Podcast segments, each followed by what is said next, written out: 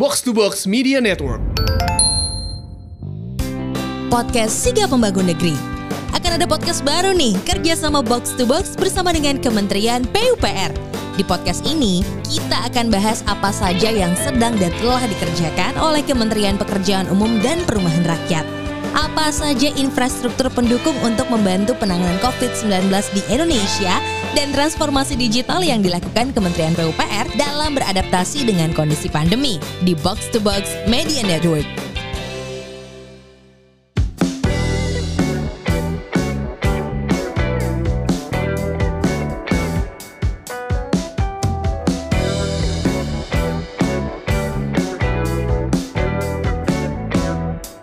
Hai Semurian, welcome back. Ini dia podcast Semur Sehat Makmur, podcast yang mengajak kamu untuk sehat jasmani dan makmur finansial.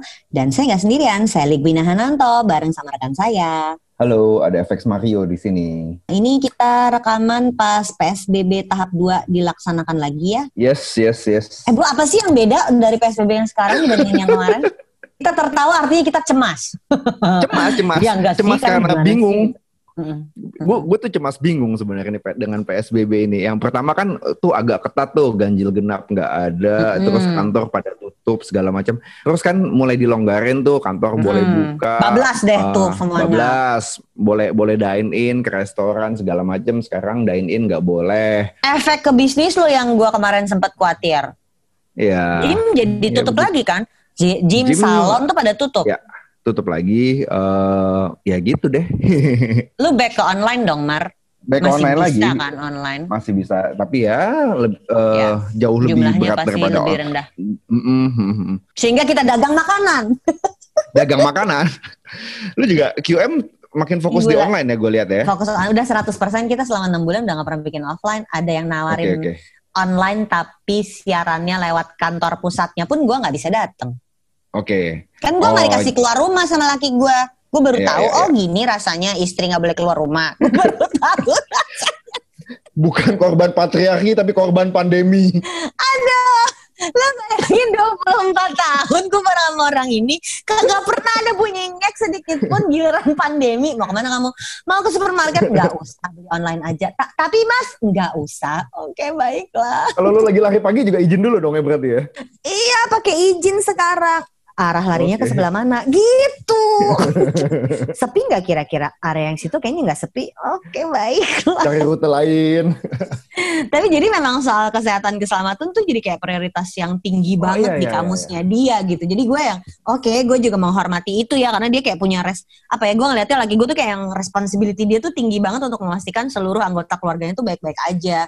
Plus Mhm. ibunya kan tinggal sama kami kan. Jadi dia benar-benar yang Hmm. Pikirin kalau ada apa-apa tuh pikirin kalau ketularan itu yang high risk di rumah ini adalah mama dia tuh ngomongnya kayak gitu Ya. kayak jadi gue Ya. juga ya ya udah nurut jangan banyak cincong gitu istri banyak cincong Sementara kan gue ekstrovert 90% ya Mar Jadi I Iya. need to meet people gitu gue ngerti kecemasannya Dondi tuh eh, karena gue mikir kalau gue sampai ketularan ya udahlah Eh, tapi kalau Dihadapi sampai gitu. menu- Tapi orang menularkan lain, orang lain Mm-mm. kalau sampai menularkan orang lain tuh yang apa ya rasa bersalahnya tuh mungkin bisa lebih lama hilang dan itu mungkin yang nggak bagus buat kesehatan ya nggak sih Ya dan kita kan nggak tahu orang lain itu daya tahan tubuhnya seperti apa Hmm, hmm, hmm, hmm. Istilahnya kalau kita doang Ya bener sih mungkin itu yang perlu diingatkan sama semua orang Bahwa si virusnya tuh almost technically airborne kan iya sebenarnya iya kan iya iya Jadi siapa aja bisa kena.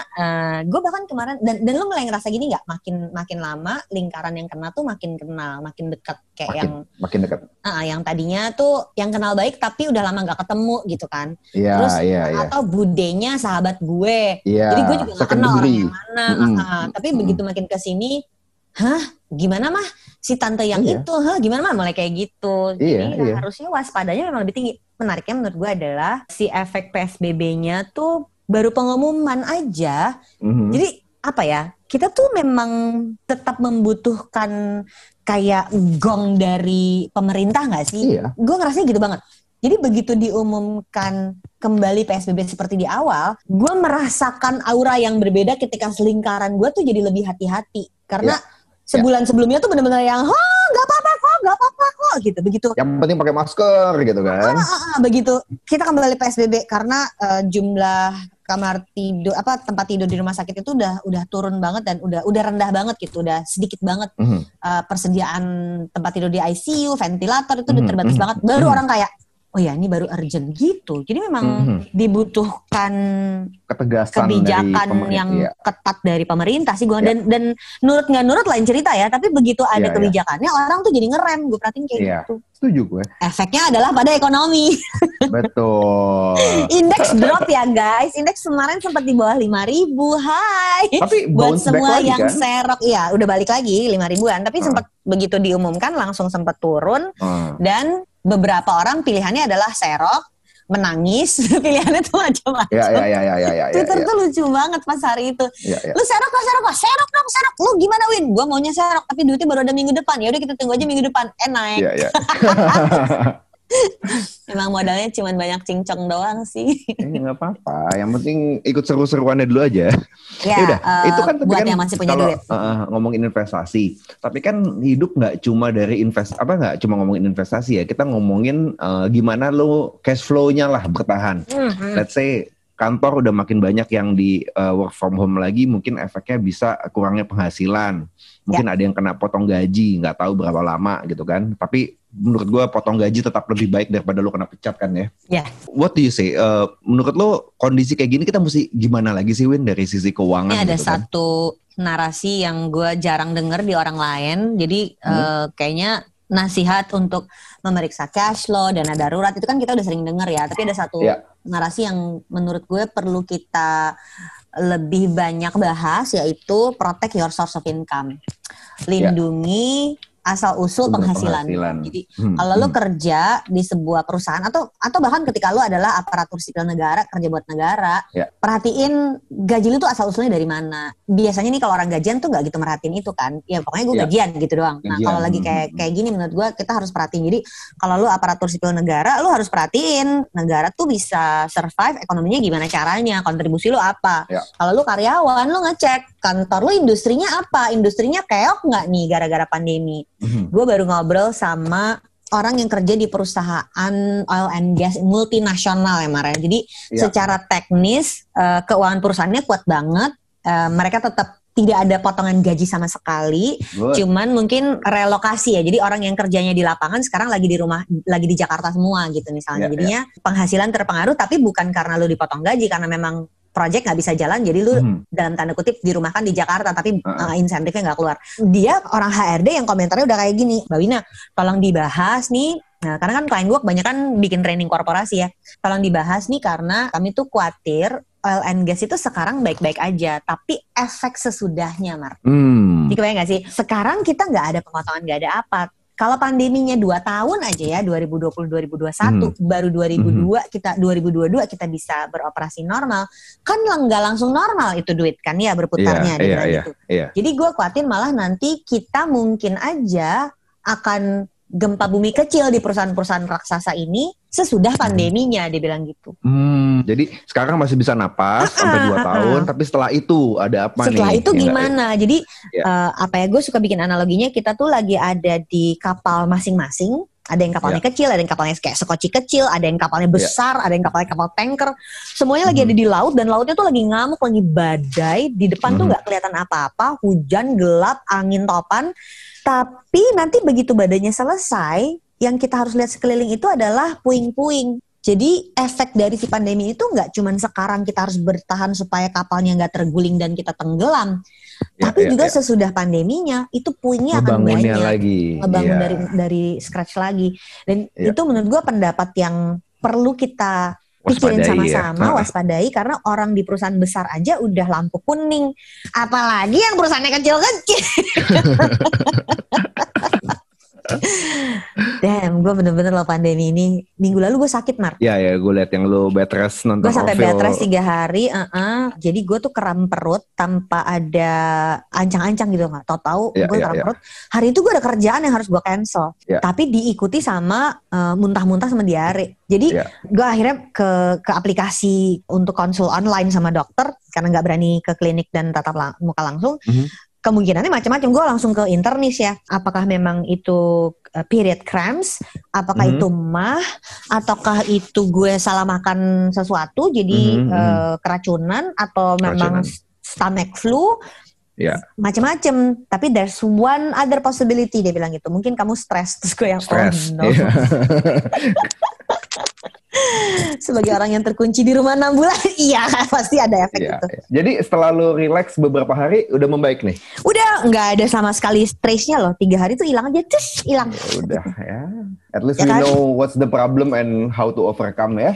Ah, nah jadinya kalau ngomongin keuangan, gue saat ini dalam kondisi yang secara keuangan baik-baik aja. I cannot complain gitu. Bisnis iya. gue memang sempat drop dan berhenti total di Maret April, tapi terus kita bounce back gitu dan kita bisa Iya. konversi digital. Nah, Iya. bayangin orang-orang yang industrinya tuh nggak bisa konversi digital. Banyak Hmm. banget Mar yang nggak bisa.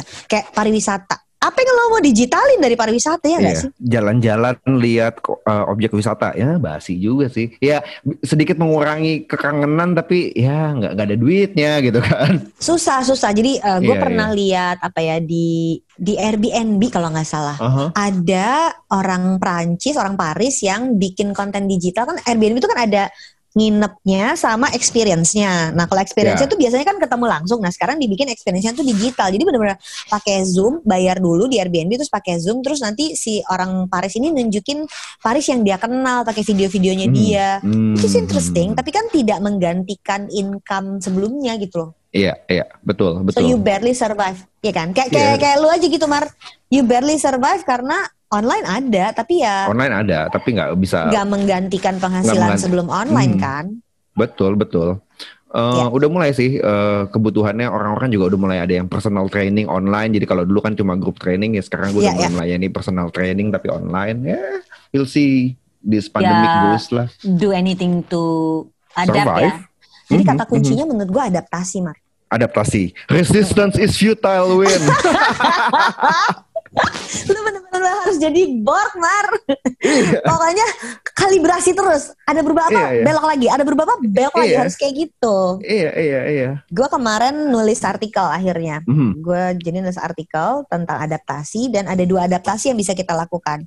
Adaptasi adaptasi keuangan ya, Ya. adaptasi keuangan bisnis sama adaptasi keuangan pribadi. Ya. Nah, si adaptasi keuangan bisnis itu yang tadi gue bilang protect your source of income. Mhm. Coba periksa deh perusahaan lu industrinya apa. Ada industri-industri yang sekarang itu bersinar kan, kayak Oke. supply bahan pangan Ya. itu bersinar. Ya. Pokoknya lu jualan buah kayak sayur Ya. kayak makanan pokok. Jadi kayak kembali ke agrikultur gitu tau gak sih? Iya, iya, iya. Ya itu itu sekarang bersinar. Sama kesehatan. Mhm. Industri kesehatan dalam beberapa sektor itu menunjukkan pertumbuhan. Jadi kayak Iya. kebutuhan orang tentang vitamin, tentang obat, Obat. tentang alat-alat Hmm. kesehatan itu meningkat sangat tinggi.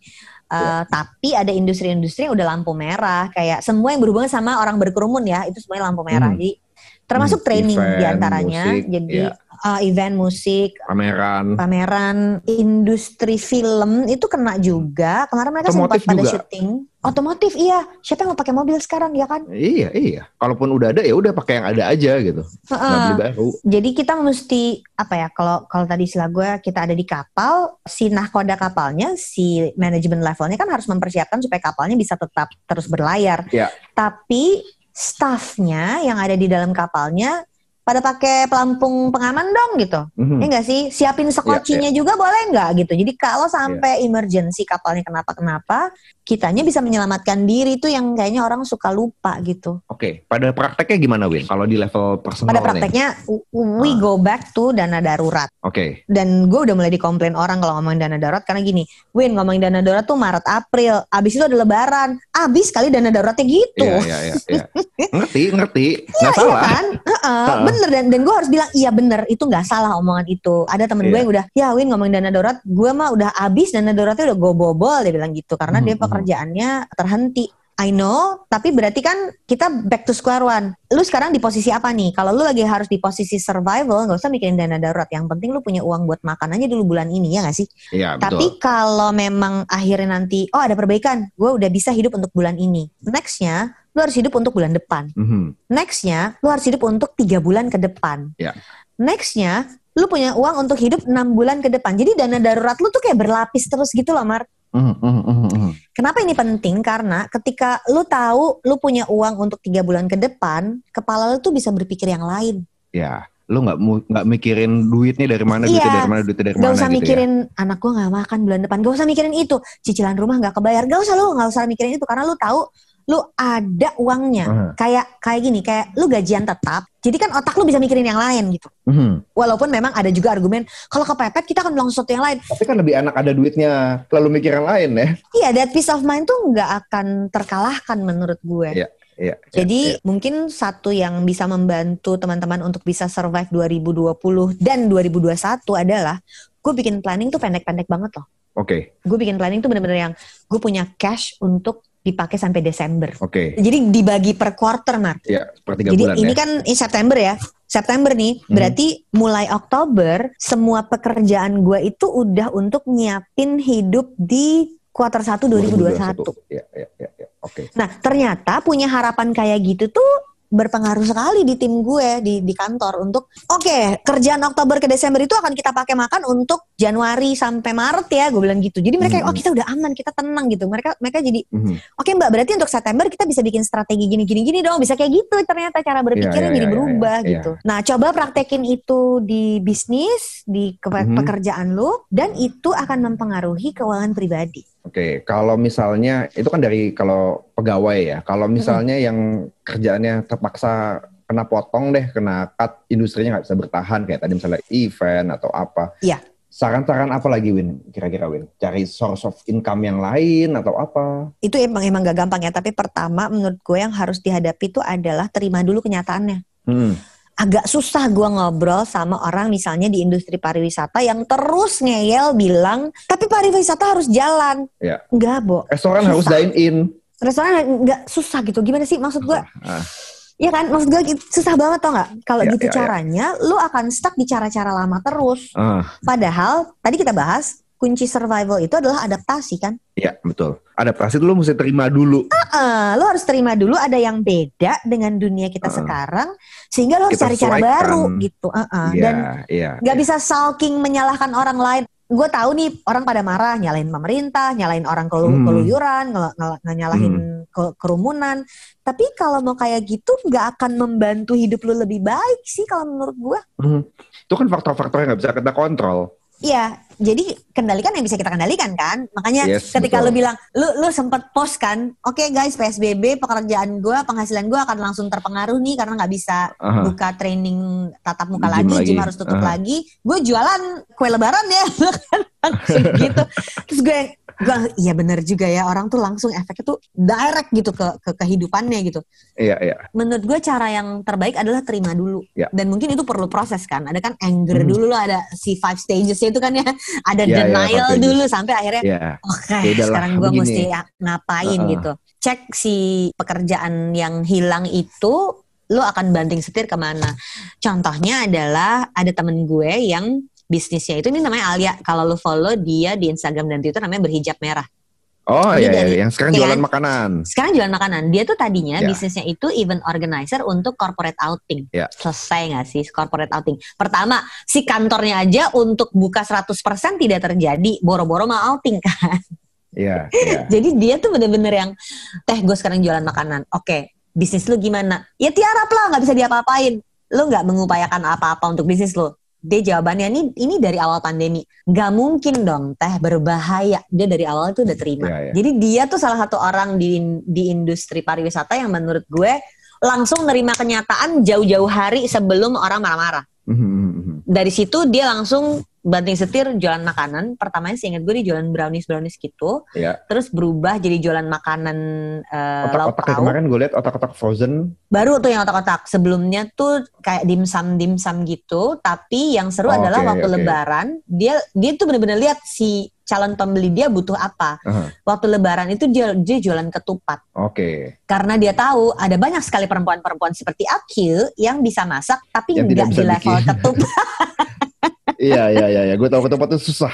itu nggak gampang mar bikinnya kan. Pa- ah, jadi Iya, dia iya, bikin tahu, tahu, ketupat sama opornya sama semua lauk-lauknya. Mhm. Jadi lebaran gue tuh lebaran yang Jadi lengkap paket. dengan makanan dari dia. Heeh. Dan dan Iya, seru iya, jadinya kan. Anak-anak tetap merasakan suasana lebaran yang lengkap. Itu laku keras dia dan itu dia pakai sistem PO semuanya. Mhm. Jadi dia nggak ada stok nyangkut. Mhm. Nah, orang kayak dia yang gue lihat dari jauh-jauh hari udah banting setir. Waktu gue tanya ini menggantikan penghasilan lo apa enggak? Tentu saja jawabannya enggak, Mar. Mhm. As you can imagine, corporate outing kan duitnya kenceng ya. Iya. Lu bawa 50 orang, 150 orang kembali, kan itu angkanya gede banget dong gitu. Marginnya Mhm. lumayan, profitnya bagus, eh, omsetnya juga tinggi. Jualan makanan kayak gini yang rumahan nggak akan nutupin omset. Jadi dia bilang, tapi untuk biaya hidup ketutup teh, dia bilang gitu. Iya, iya. And that's how you survive. Ini menarik nih pandangannya dia. Jadi selain jualan makanan yang biasa aja, jualan makanan yang laku pada periode tertentu gitu kan. Kayak tadi Mm-mm, eh, mm-mm. apa jualan ketupat saat lebaran. Kayak gue Ya. mau jualan mooncake di mooncake festival ini, J. PC ya, saya mm, butuh untuk dikirim. Uh-uh. Dan tolong kasih Ya, tahu siap, uh, nanti. anak-anak yang nggak tahu kultur budaya ini uh, cara makannya.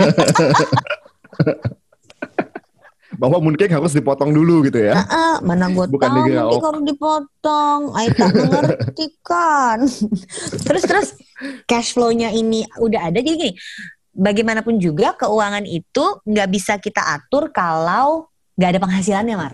Ya, jadi cari penghasilannya dulu. Jadi cari penghasilannya dulu. udah ada, masuk. Baru bisa kita atur cash flow-nya. Mhm. Yang diamanin apa dulu, Win? Ada lima pos pengeluaran yang kita ada setiap bulan. Itu nomor satu yang diamenin cicilan utang dulu. Lu punya cicilan utang apa? Oke. Itu harus dipastikan terbayar terus. Iya. Yang kedua, jadi ini dua yang paling utama ya. Sel- Selain cicilan utang adalah pengeluaran rutin kita. Mhm. Si operasional untuk bisa hidup setiap bulan itu diamanin juga. Hmm. Jadi kayak Listrik, Listrik, air, internet. air, makan, internet. Yes, internet tuh zaman dulu mungkin tujuh tahun yang lalu tuh masih lifestyle, Tersier ya. ha. Tersier. ah. tapi sekarang udah kayak listrik aja. Iya, iya. Kayaknya iya. internet mati lebih nyap-nyap daripada listrik mati. Iya. itu analogi yang salah menurut gue. Tapi tetap aja lucu gitu. Ya internet eh, listrik mati ya udah mati semua. Inter Heeh. Kalau internet Tapi mati doang kan internet mati masih bisa marah-marah. heeh. Iya. Eh, apalagi bensin kalau dulu ya mungkin sekarang nggak terlalu. Tapi kan sebenarnya itu bagian dari transportasi yang rutin harus Mhm. kita keluarin Eh, sampai Mhm. ke gaji asisten rumah tangga dan bayar uang sekolah anak. Mhm. Itu rutin semuanya. Nah, dari situ baru kita lihat tiga pengeluaran yang lain yang bisa kita atur. Pertama adalah masih bisa nabung sama investasi atau enggak. Oke. Yang dua lagi tuh pengeluaran sosial tolong menolong dan yang terakhir tuh lifestyle. Gue tuh selalu merasa pengeluaran sosial tolong menolong itu begitu pentingnya karena itu mengobati jiwa lo, ya nggak sih? Mhm, mhm, mhm. Lo memberi harapan. Heeh. Kalau lo nggak sanggup ngeluarin pengeluaran sosial besar-besar, bisa donor darah. Eh, ah, belok ke sana. Iya. Episode Seperti sebelumnya kita di bahas episode donor darah. sebelumnya. Episode Ah, sebelumnya ah, kita bahas donor darah.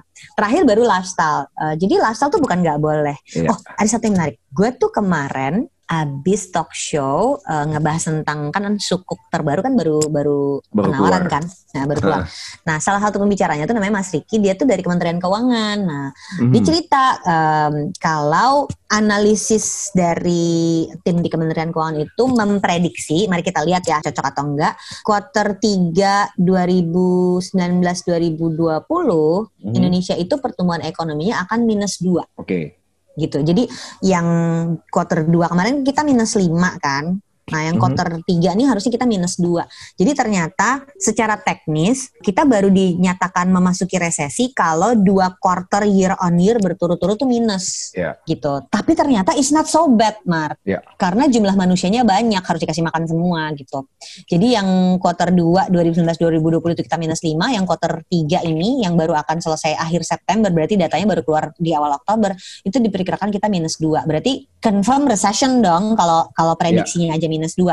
Nah, apa sih artinya resesi ini? Ini yang orang suka nggak pada sadar. Ya orang tuh langsung takut. Tahu nggak? Banyak orang ngebayangin begitu dengar kata resesi, oh kita bakal ngantri beras berjam-jam di pasar. Orang takutnya kayak gitu kan yang dibayangkan. Padahal kan belum tentu resesi itu langsung ancur-ancuran gimana? Sama you kayak think? inflasi kan. Mm. Inflasi itu kalau kenaikannya 3%, realnya yang dihadapi orang per orang kan beda-beda. Ya, Iya kan? Mungkin ada orang yang beli berasnya yang premium sehingga dia ngerasain inflasinya lebih tinggi gitu misalnya. Uh, atau belanja ayamnya nggak di pasar jadi dia Iya. ngerasain inflasi lebih tinggi. Atau sebaliknya, uh, gue di pasar nggak ngerasa harga ayam itu naik kok misalnya kayak gitu. Jadi ketika ketemu sama data Iya. ekonomi tuh bedain sama makro yang memang secara general di seluruh Indonesia dinyatakan sebagai data makroekonomi sama resesi di personal. Iya. Personal finance. oh I like it, let it be personal ya. Iya, let it be personal. Jadi lu jangan kusut membayangkan yang ada di luar. Pasti ada efeknya, tapi nggak direct gitu loh. Mhm, mhm, mhm, Periksa kondisi pribadi lo gitu, karena mhm. tidak semua orang akan kena dampak negatif dari resesi nasional dan tidak semua orang akan kena dampak positifnya gitu. Jadi elunya gimana gitu. Mhm. Kalau eh, resesi di keuangan pribadi, nomor satu adalah lu kehilangan penghasilan. Buat gue itu udah Mhm. resesi. Yang dari sisi pribadi ya. Yang kedua adalah lu udah nggak sanggup bayar cicilan utang. Mhm. Kacau tuh kalau lu nggak bisa bayar cicilan utang. Yang ketiga, lu udah kesulitan untuk memenuhi kebutuhan-kebutuhan pokok. Mhm. Jadi mau makan susah, mau bayar listrik susah, itu udah resesi. Dan ini bukan miskin kaya ya. Ya. Karena ada orang misalnya yang tinggalnya di Ambon, di pinggir laut, kalau lapar tinggal mancing. Dia nggak akan pernah kelaparan. Iya, iya, Rumah iya, nggak iya. listrik juga nggak apa-apa ah, karena tidak membutuhkan listrik. Misalnya ada orang yang kayak gitu. Jadi ini bukan soal miskin atau kaya, tapi bagaimana lu bisa mempertahankan kelangsungan hidup lu di standar hidup yang lu mau. Mhm. Nah ini yang menurut gua harus kita beresin. Jadi sebenarnya gua episode ini tuh pengen ngajakin kalian untuk periksa si adaptasi keuangan bisnis, Kemampuan adaptasi as in- lu ya. Hmm, sama adaptasi keuangan pribadi lo karena harusnya akan ada orang-orang di luar sana dan mungkin semurian adalah bagian dari ini orang-orang yang keuangannya memang sehat finansial, Mar. Mhm. Nah, mereka yang sehat finansial ini, kita yang sehat finansial ini yang tangannya harus di atas. Mhm. Kitalah yang akan terus membelanjakan uang kita. Jadi kalau temen Uh-huh. kita jualan, kita yang beli gitu. Iya, Dan iya, kita juga orang-orang yang akan tetap berdonasi, Iya. nyiapin bantuan supaya saling jaga gitu. Jadi Iya. jangan takut sama resesi menurut gue, karena kita yang sehat finansial ini harusnya jadi orang-orang yang bergerak. Oke, gue tertarik sama tweet lu kemarin tuh ada orang yang nyinyir kan, Hmm. kalau semua orang jualan siapa yang beli? Loh, kalau lo beli, lo kan bikin orang Iya. itu jadi punya uang buat belanja lagi, uang ekonominya Ah, muter. ah, Oh, gue gue senang banget karena gue juga mikir hal yang sama gitu kan. Iya, Lo ngapain sih nyinyirin orang jualan gitu kan? itu aneh banget menurut gue. iya, iya, iya. Wah, semua orang sekarang jualan, siapa yang beli? Loh, enggak, justru ketika Saling lu beli jualan orang lu saling Iya. beli. That's how economics work gitu. iya, iya, iya. Dan, dan kemarin juga di saat yang sama beberapa teman-teman gue yang gue tahu pada jualan makanan misalnya Ira yang punya Momo Maru, Dwika Iya. yang punya uh, Dimsum. Cici Dimsum, Nah, uh, sampai ke Mbok Venus yang dia nggak jualan makanan, dia jualannya sabun sama sabun sama uh, apa? oil-oil. Essential oil, iya. Heeh, pokoknya mereka semua punya dagangan sendiri-sendiri kan. Heeh. Ini Mereka tuh juga berkomentar jualan gini. oil. Mereka berkomentar gini, wah makan siang gue hari ini semuanya dagangan teman-teman sendiri. Gitu Mar. Iya. Berarti kan saat dia punya bisnis dan dibeli orang, dia jadi punya kemampuan untuk beli dagangan orang belanja lain. lagi. Mm. Nah ini loh yang dimaksud dengan ayo belanjakan uangmu supaya ekonomi tetap bergerak. Maksudnya tuh ini. iya, iya, iya, Tapi iya, iya, itu syaratnya hanya bisa terjadi kalau lu keuangannya sehat finansial. iya. Setuju So let gua. me introduce you to that terminology. Sehat finansial. Sehat Jadi yang akan finansial. survive itu bukan yang paling kelihatan gaya di Instagram. Yang akan survive itu bukan yang kelihatannya paling wah dengan apa kemarin tuh sempat gue lihat ada TikToknya outfit, Oh, outfit- ratusan outfit juta ha. cek gitu sambil dia tetap nggak keren menurut gue dan danannya gitu emang style tuh nggak bisa dibeli ya guys. Tapi justru yang sehat finansial ini kenapa? Kalau lo sehat finansial, lo akan kuat untuk orang lain juga lebih lama. Dan Yes, kita yes, yang yes. akan bantu supaya resesinya jangan lama-lama. Yes. Kayaknya udah nggak mungkin dihindari ya resesi pasti terjadi. Tapi jangan Iya. lama-lama. Itu aja sih menurut gue. Kalau Hmm. lama-lama tuh capek. Oh, iya. Oke, oke, oke. gitu dah. Oke, gitu Semurian. Jadi obrolan kita hari ini soal bagaimana sih ngadepin pandemi ini. Pertama lu mesti terima dulu, adaptasi, terus kemudian lu cek sumber-sumber income lu dari kantor atau lu mesti nyari penghasilan tambahan, lalu kemudian pakailah uang itu untuk belanja lagi. Nah, segitu aja obrolan kita hari ini. Saya FX Mario bersama rekan saya. Saya Ligwina Hananto. Buat apa sehat tapi nggak punya uang, buat apa makmur tapi sakit-sakitan. Resistance is futile. Oh, bukan live and prosper. Iya, iya, iya. Oke guys, resistance is futile. Be the board today. Oke, bye-bye. Bye.